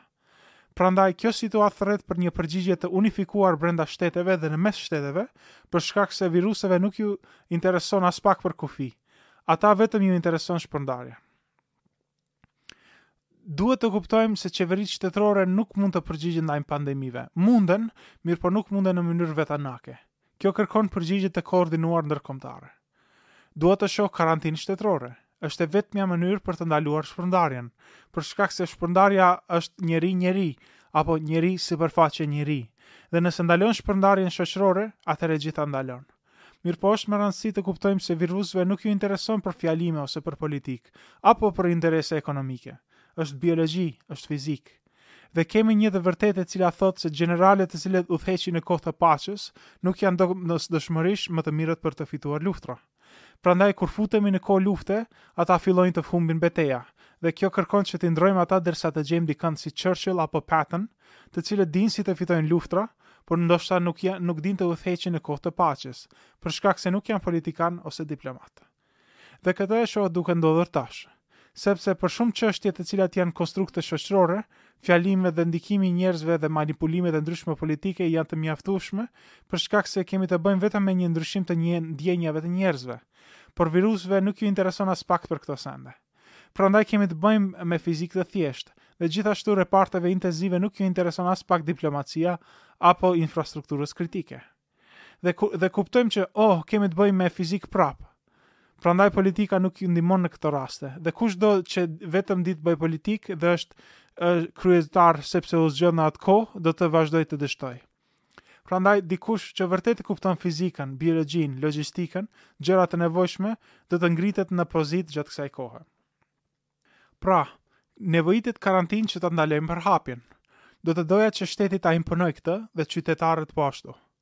Gjithashtu, yjet dhe njerëzit me famë t'i përdorin gjithë kanalet që i kanë për t'u thënë njerëzve të rrinë në shtëpi, sepse në kohë në këtë kohë njerëzit i ndigjojnë më shumë yjet sesa epidemologët, edhe nëse situata është për jetë apo për vdekje. Pra njerëzit me famë do të duhet të përdorin fuqitë e tyre ndaj epidemologëve dhe t'i shpëtojnë jetrat. Ata nuk kanë mundësi të shpëtojnë jetra dhe të ndihmojnë në sigurinë shtetërore zakonisht. Nëse janë majtistë, le të shpëtojnë jetra. Nëse janë djathtistë, le të ndihmojnë në sigurinë shtetërore. Me këtë nuk dua të them se të djathtëve nuk ju intereson jeta apo anasjelltas, mirëpo në këtë kohë nuk ka rëndësi, përgjigja është e njëjtë. atëherë çdo veprim që mund të ndërmerret për të ndaluan transmetimin shoqëror duhet të jetë prioritet. Dhe dhe në mënyrë që kjo të ndodhë, duhet të marrim masa për mbështetje ekonomike, që njerëzit të mund të rrinë në shtëpi. Pra, të, të ndalojmë qiratë dhe hipotekat e shtëpive. Sigurimi shtetëror që bizneset e vogla, por edhe të mëdha, të cilat janë krejtësisht të varura nga të kontaktin njerëzor, nuk duhet të falimentojnë. Kjo mund të arrihet përmes kredive taksore ose subvencioneve të ndryshme, varësisht prej çka kërkohet. Pastaj përmes të ardhurave bazë, UBI, dhe lloje të ndryshme të furnizimit me ushqim ose me ilaçe. Këto lloj veprimesh duhet të ndërmerret, ndoshta jo të gjithë menjëherë, për shkak se duhet t'i shtjellojmë dhe gjitha këto i kanë pasojat e tyre. Presidenti do të duhet të dalë dhe deklarojë veprimet kyçe, dhe të thotë që çdo ditë do të punojmë që të përmirësohemi, varësisht nga çka kërkohet në atë kohë, por që jemi duke u përkujdesur për këtë dhe që njerëzit mund të rrinë në shtëpi. Dhe kjo duhet të shihet si detyrë patriotike, duhet të kuptohet si detyrë jetike. Pastaj, në mënyrë që të ndodhë karantina, përveç mbështetjes ekonomike, duhet të sigurohemi se gjithë ata që nuk mund të jenë në karantinë, kanë pajisjet mbrojtëse dhe dijeninë e duhur që t'i përdorin ato. Ky duhet të jetë absolutisht prioriteti më i madh. Dhe fushatat që i përmendëm më herët gjithashtu të kenë prioritet, si, shëndetësia, ndihma e parë, infrastruktura, shërbimet komunale etj. Popullatat më në rrezik posaçërisht kërkojnë masa të rrepta karantine. Pra, shtëpitë e pleqve, burgjet, strehimoret dhe vendet e tjera të personave me imunitet të komprometuar. Këto vende kërkojnë karantinë të rreptë sepse nuk guxon të kemi përhapje aty. Do të ishte katastrofë totale. Prandaj ato duhet të mbrohen fuqishëm. Tani, pas karantinës dhe çkado që kërkohet për ta mundësuar atë, vëmendja duhet të jetë te bashkëpunimi mes sektorit privat dhe qeverisë, në mënyrë që të rrisim fuqishëm testimin, që të mund të bëjmë testim në masë të madhe dhe të lëvizim nga një karantinë totale në një karantinë të mençur. Shumë njerëz do të protestojnë që nuk kemi aq shumë teste ende, apo se koha e marrjes së rezultateve të testimit është shumë e ngadalshme, apo se ka shumë negative të rrejshme, apo se rezultatet i marrim vesh vetëm pasi njerëzit janë sëmurë për një kohë të gjatë. Dhe po, kjo është e vërtetë në testet që i kemi patur deri tani. Por kur them se duhet të rrisim fuqishëm testimin, duhet të them se nuk është një strategji e vetme. Kemi mbledhur gjithë surplusin e teknologjisë testues të re në një vend, që të shohim se çfarë aftësi kanë, në mënyrë që të përgatisim një strategji të shumëanshme, Dhe kushdo që ka mundësi të vërtetë ndihmojë në këtë, qoftë financiarisht apo logjistikisht, ju lutem më kontaktoni. Mundem ta bëjmë këtë përmes Facebook Messenger. Pra duhet të marrim testet ekzistuese dhe nëse nuk janë më të mirat, në vendet që kanë më së shumti nevojë për to, duhet të rrisim edhe prodhimin e testeve që mund të prodhohen në kohë, pra edhe nëse janë teste të pjesshme. Edhe pse antitrupat shfaqen shumë vonë për të bërë parandalimin, prapëseprapë duhet të testojmë edhe për antitrupa, në mënyrë që të shohim se a mund të bartet imuniteti tek individët tjerë, dhe se kush është imun ndaj virusit, sepse kjo do të na ndihmonte shumë. Lloji i testimit që mua më intereson më së shumti në këtë pikë është testimi i cili mund të dallojë infektimin sa më herët pas ekspozimit dhe me saktësinë më të madhe, pra në numrin më të ulët të negativetve të rrejshme, dhe në kohën më të shkurtë të mundshme. Ky është lloji drive-thru i testimit i cili e implementoi Korea Jugore. Në botë ka disa kompani që kanë teknologjinë më të mirë dhe që mund të prodhohet në kohë dhe jemi duke punuar me to. Dhe këto kanë nevojë për kapital dhe mbështetje, kështu që nëse dikush ka këtë, ju lutem më shkruani. Por sa i përket testimeve drive-thru, imagjinoni një parking në supermarketet Walgreens ose Walmart, të cilat pajisen me aftësi testimi drive-thru, kështu që dikush hyn në parking, një kamerë automatikisht iu regjistron numrin e targave, iu merret leja e shoferit, testohen dhe nëse është rezultati pozitiv, dërgohen menjëherë në karantinë. sepse në këtë mënyrë ata marrin trajtim të hershëm dhe s'kanë nevojë të dërgohen në repartin intenziv, sepse nëse karantinohesh në shtëpi, kjo do të thotë që gjithë familja infektohet dhe grupet më të ndjeshme, për shembull të moshuarit, infektohen.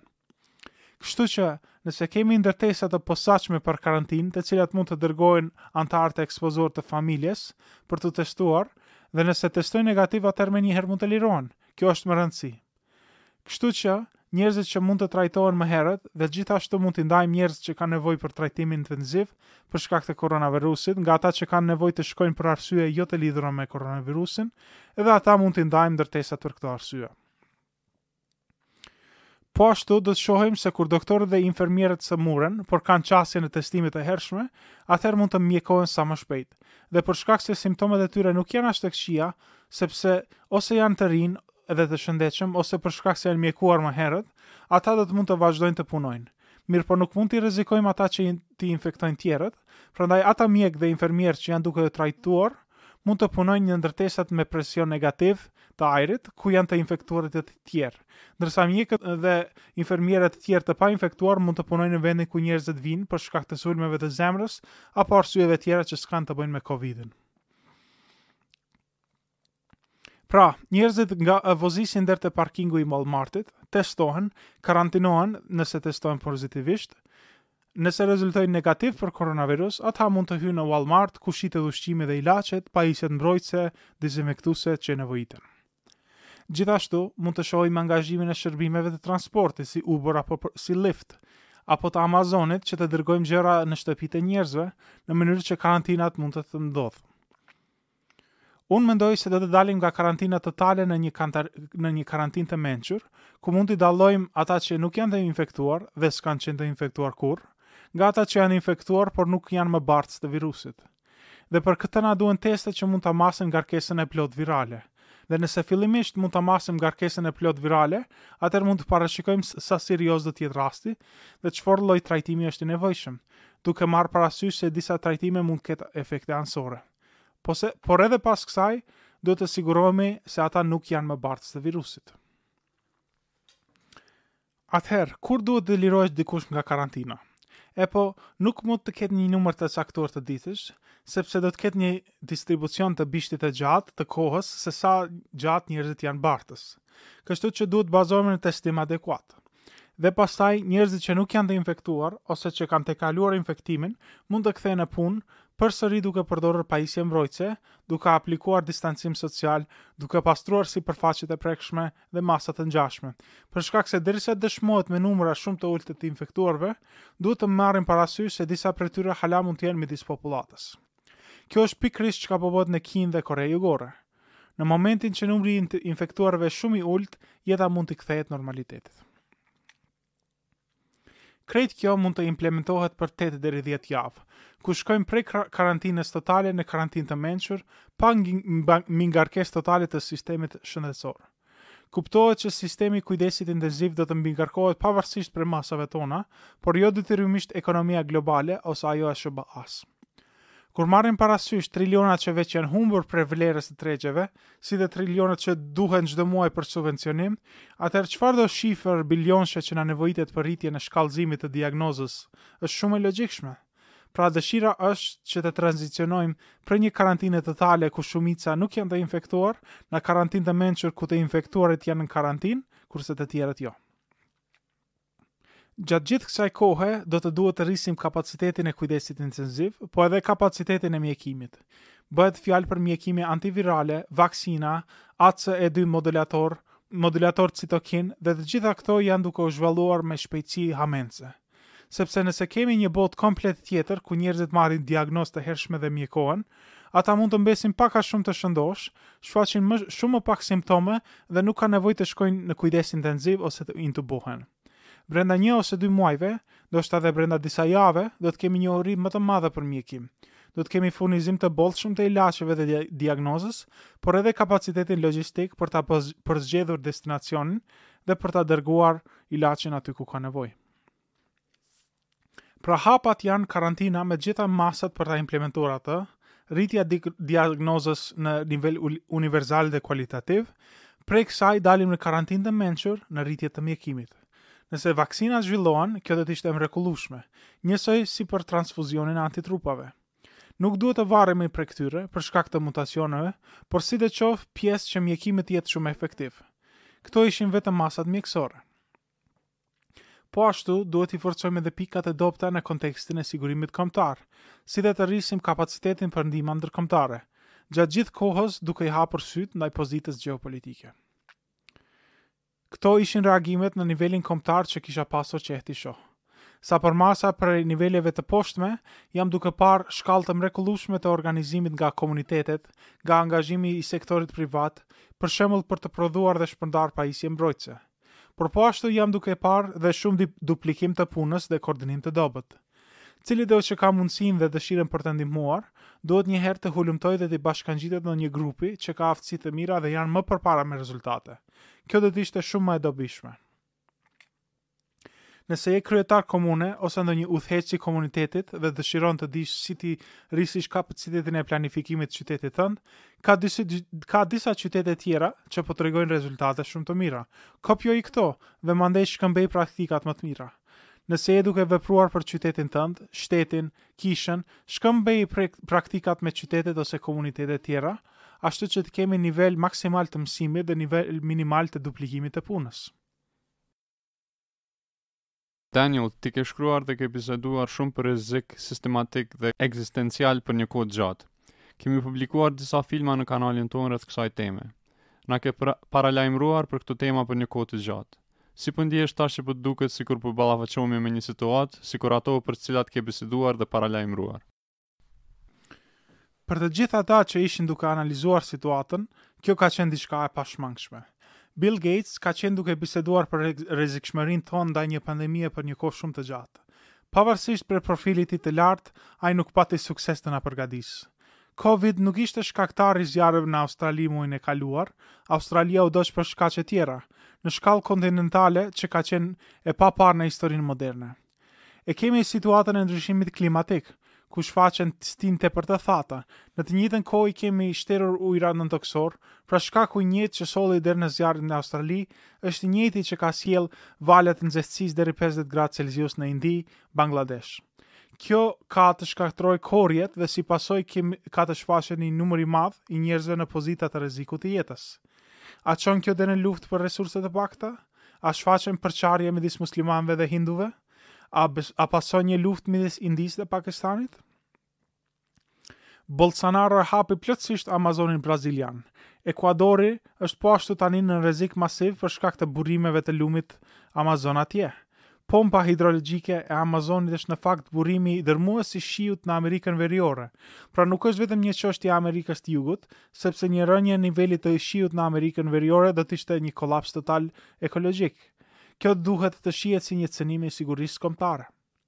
Ka shumë prej këtyre çështjeve. Shpresoj se tani njerëzit janë duke e ndier dhe duke kuptuar që Australia është një fakt një punë e madhe, ose kjo pandemi është në fakt një punë e madhe, dhe se ndryshimet klimatike janë shumëzues i efekteve të ndryshme, në fakt janë gjithë këto janë punë të mëdha. Këto nuk nuk janë problemi i njëjtë, nuk është që shkaktohen nga një shkak, por të gjitha pasojnë nga strukturat e brishta të civilizimit. Po e ndaj me ju një pikëpamje për ta mbyllur bisedën dhe po e thjeshtoj sa më shumë që mundem. Ka shumë njerëz të cilët paragjykojnë nga pozitiviteti ose anojnë nga status quo-ja, të cilët nuk dojnë të shohin sendet negative. Këta persona mendojnë që çdo gjë është në rregull, se rreziku është i tepruar. Po ashtu mund të thojnë diçka si, O, prej shekullit 16 kemi menduar se do të vinte ngazëllimi. Kemi menduar që ditët e fundit a janë para nesh. Y2K ishte propagandë e bujshme, dy mijë e dymbëdhjetë ishte propagandë e bujshme, njësoj si SARS-i, Ebola etj. Po, ekzistojnë probleme në botë, po janë më keq se sa ka qenë, edhe kjo shtyn përpara inovacionin. Unë mendoj që kjo perspektivë është budallallëk i rrezikshëm. Në fakt është më shumë reagim emocional ndaj status quo-s sesa një reagim i menduar mirë. Po i shpaloj disa nga faktorët e veçantë të kohëve që po i jetojmë, por intuita dhe arsyeja jonë janë të përgatitura në të kaluarën. Të gjithë civilizimet dhe perandoritë në të kaluarën ev eventualisht vdiqën. Ato dështuan dhe asnjëra prej tyre nuk ishin civilizime të përjeshtme. Nuk kemi në botë perandori bizantine, egjiptiane, azteke, majane, romake ose ku ta di çka. Këto të gjitha vdiqën nga kolapsi i vetëshkaktuar. Shpesh këto i prenë gjitha pyjet, kjo ishte se si dështoi ishulli i Pashkëve. Në raste tjera, këto perandori shkuan drejt luftimit të brendshëm, si pasojë u krijua rebelim dhe kolaps. Shpeshherë në raste tjera, kur ato ato janë pushtuar nga armiqtë e jashtëm, këta armiq kanë qenë shumë më të vegjël se sa armiqtë e tyre të vjetër. Kjo ndodh për shkak se këto perandori ju kanë nënshtruar kalbjes institucionale. Deri tani, askush nuk ka zbuluar ndonjë mënyrë si ta parandalojmë këtë kalbje institucionale, sidomos në afat të gjatë. Pra ne e dimë vetëm se si të krijojmë civilizime që kolapsojnë, në kohëzgjatje të ndryshme. Demokracitë kolapsojnë në periudha prej 200 deri 300 vjet, SHBA-të po i afrohen 250 vjetorit, dhe po duket sikur jemi mjaft afër një skenari të kolapsit. Është interesant të mendohet se si SHBA-të u ngritën si superfuqi mbas Luftës Dytë Botërore. Njësoj si shtetet evropiane u ulën dukshëm në dominancën relative në botë. Shumë lehtë një situatë e ngjashme mund të ndodhë, ku Kina ngritet si superfuqi. Nëse dëshirojmë që një demokraci ose republikë të zgjasë më më gjatë sesa tani, duhet t'i restartojmë kohë pas kohe shkaku i kalbjes institucionale. Ne e dimë vetëm të ndërtojmë civilizime që kolapsojnë, por për herë të parë kemi një civilizim global. Kolapsi nënkupton diçka krejt e re. Në të kaluarën kemi shkaktuar dëm ambiental, ku kemi shkatërruar tokën e plleshme dhe si pasojë nuk mundëm t'i ushqejmë njerëzit. Por kurrë më herët nuk kemi pasur mundësi ta dhijmë krejt biosferën. Nuk kemi pasur kurrë mundësinë të shfarosim specie në shkallë globale ose t'i dëmtojmë oceanet ose diçka të ngjashme.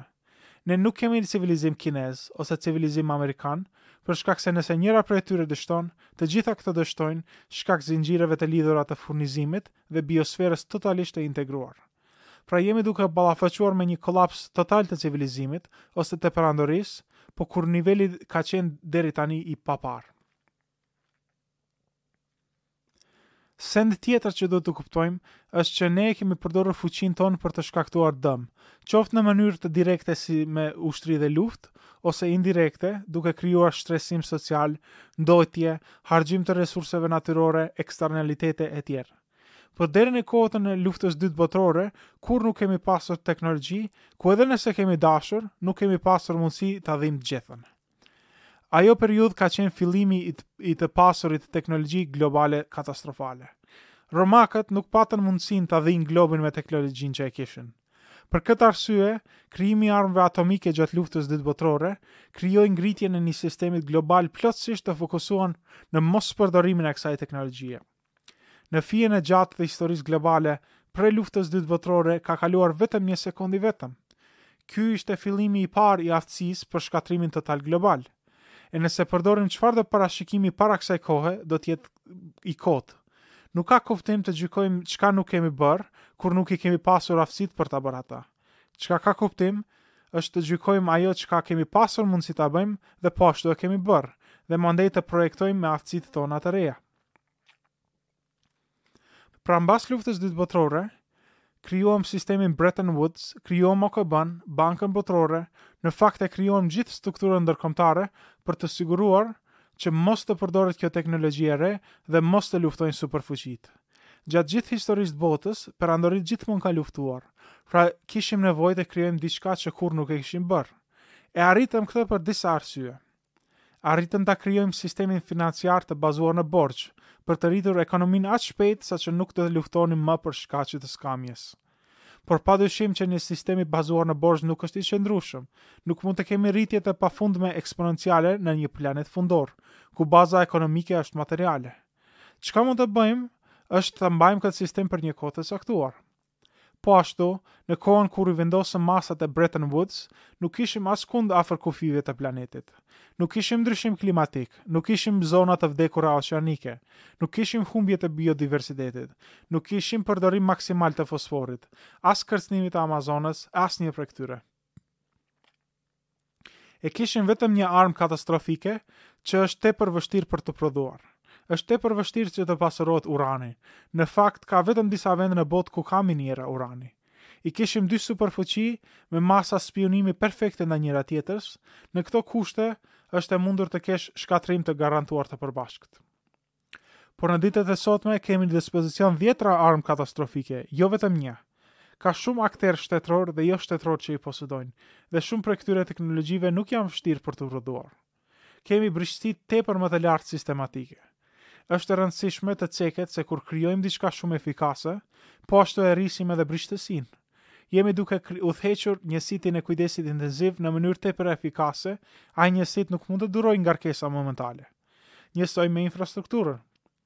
Nëse kemi një sistem tepër efikas të zinxhirëve të furnizimit, një dështim në një vend mund të shkaktojë dështim kaskadë në gjithë zinxhirin.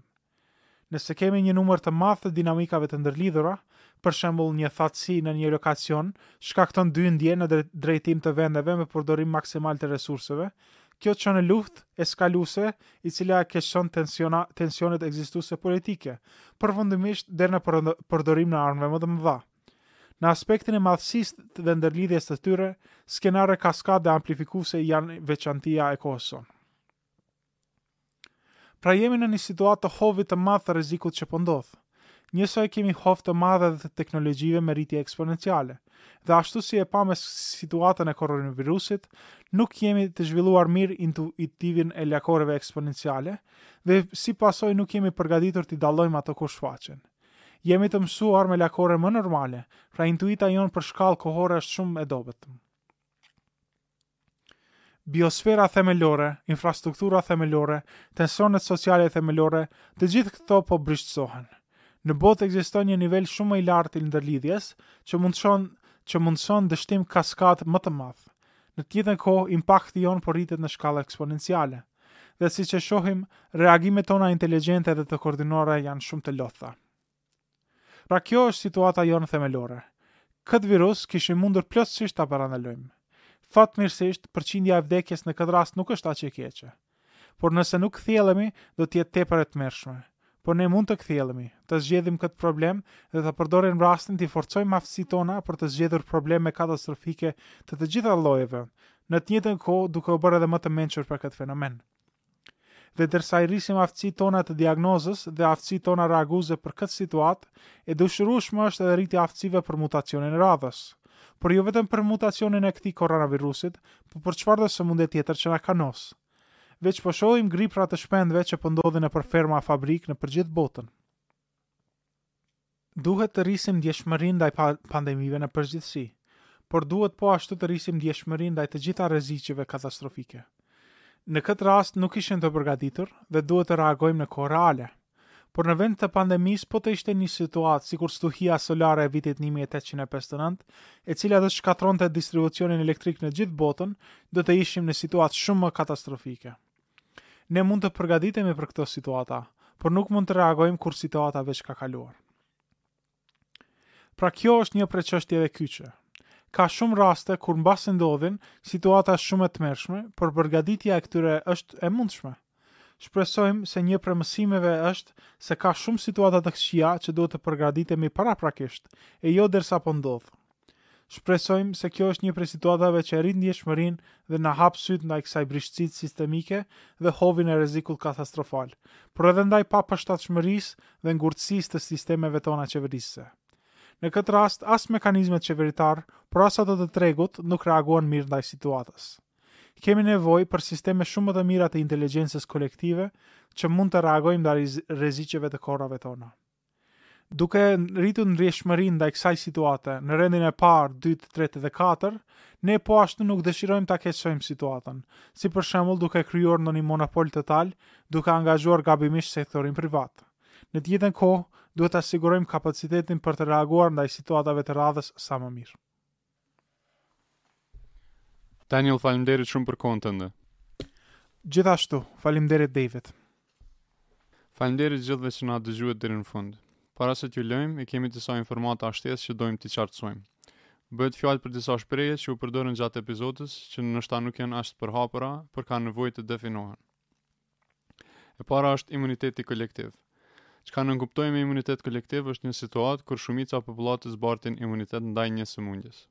Kjo situatë është e dobishme për dikënd që nuk ka imunitet, imunitet, sepse nuk ka asnjë rrugë që sëmundja të vijë deri te ta. Në rastin e COVID-19, mendohet se një imunitet kolektiv arrihet nëse imunizohet rreth 70% e popullatës. Në disa sëmundje më ngjitëse, si për shembull fruthi, nevojitet rreth nëntëdhjetë e pesë për qind mbulesë e popullatës për imunitet kolektiv efektiv. Vaksinat janë mjeti më i mirë i imunitetit kolektiv dhe siç e shohim në disa raste në SHBA, mosvaksinimi çon në uljen e përqindjes së imunitetit kolektiv dhe si pasojë shfaqen epidemi të sëmundjeve që më herët kanë qenë të deklaruara të zhdukura. Termi tjetër që duhet ta sqarojmë është borxhdhënia grabitqare. Kjo është një praktikë ku një individ, institucion ose shtet i jep borxh dikujt tjetër duke e ditur që pagesa e borxhit do të jetë tepër e vështirë ose e pamundur. Në këtë mënyrë mbas mospagesës, borxhleu kapet shumë ngushtë dhe është i obliguar të jep lëshime që kurrë nuk i kishte bërë në kohë normale. Në kontekstin e kësaj bisede, bëhet fjalë për praktikat e Kinës, e cila financon infrastrukturë nëpër shtete të varfra dhe mas mospagesës së obligimeve të shteteve të ndryshme, merr kontroll ndaj infrastrukturës ose ndaj elementeve kyçe të atyre shteteve. Ky fenomen është i përhapur në Afrikë, Azi, por edhe në rajon, Shembull konkret është ndërtimi i autostradave, autostradave në Serbi, Maqedoni dhe Mal të Zi. Rritja eksponenciale është një mënyrë specifike si matet rritja e një fenomeni ose sasie. Ndryshe e njohur edhe si rritje gjeometrike, në situatë të rritjes eksponenciale, vlera e ardhme varet prej vlerës së tashme.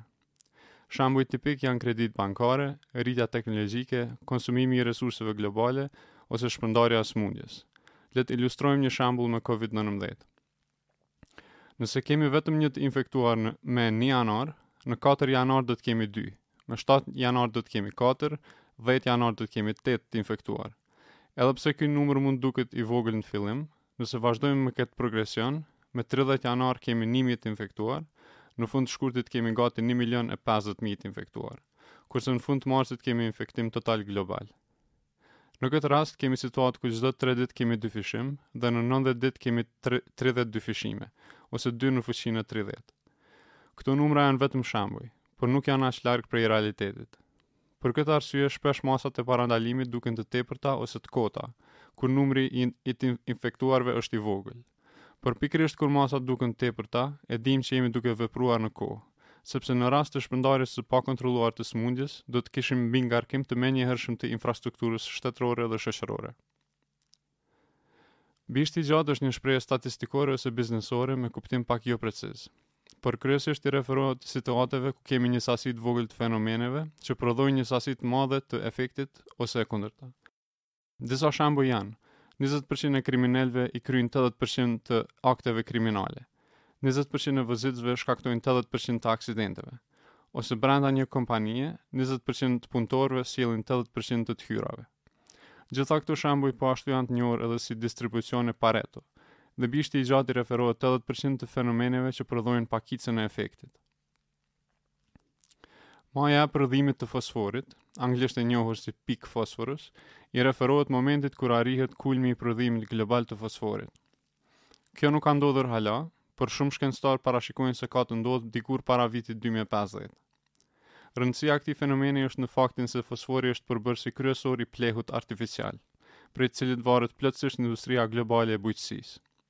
Pra, luhatja e furnizimit me fosfor ka efekte tepër të mëdha në sasinë e prodhuar të ushqimit, dhe mungesa e fosforit mund të shkaktojë konflikte globale nga mungesa e ushqimit. Shkatërrimi i garantuar i përbashkët, anglisht mutually assured destruction, është një politikë dhe strategji e cila u shfaq gjatë Luftës së Ftohtë. Me këtë strategji, të dy superfuqitë nuk guxojshin të sulmojnë njëra-tjetrën me armë bërthamore, sepse kjo do të provokonte përgjigje totale nga ana tjetër, që përfundimisht do t'i shkatërronte plotësisht të dy palët.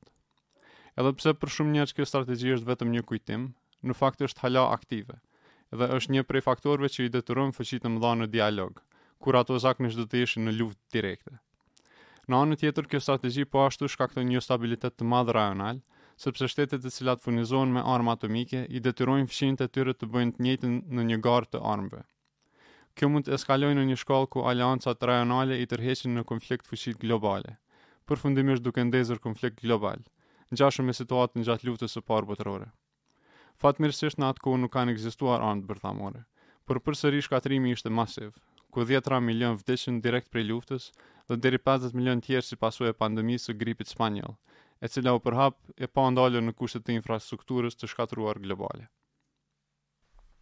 Kolapsi kaskadë është një situatë ku në një sistem të shpërndarë ku ka përkrahje të ndërsjelltë, dështimi i një prej pikave të sistemit çon deri në dështim eventual të plotë të sistemit. Një rast konkret është në sistemin e prodhimit të elektricitetit. Nëse kemi pesë termocentrale të përdorura në njëqind për qind, dështimi i njërës prej tyre i detyron tjera të operojnë në njëqind e njëzet e pesë për qind të kapacitetit të tyre. Mbasi ato nuk mund ta mbajnë këtë intensitet në kohë të gjatë, edhe ato termocentrale fillojnë të dështojnë, derisa më në fund të gjitha dështojnë. Ky fenomen shfaqet në shumë sisteme të ngjashme, ku sistemi përdoret gati plotësisht dhe nuk ka aftësi rezervë ose aftësi për të absorbuar rritje momentale.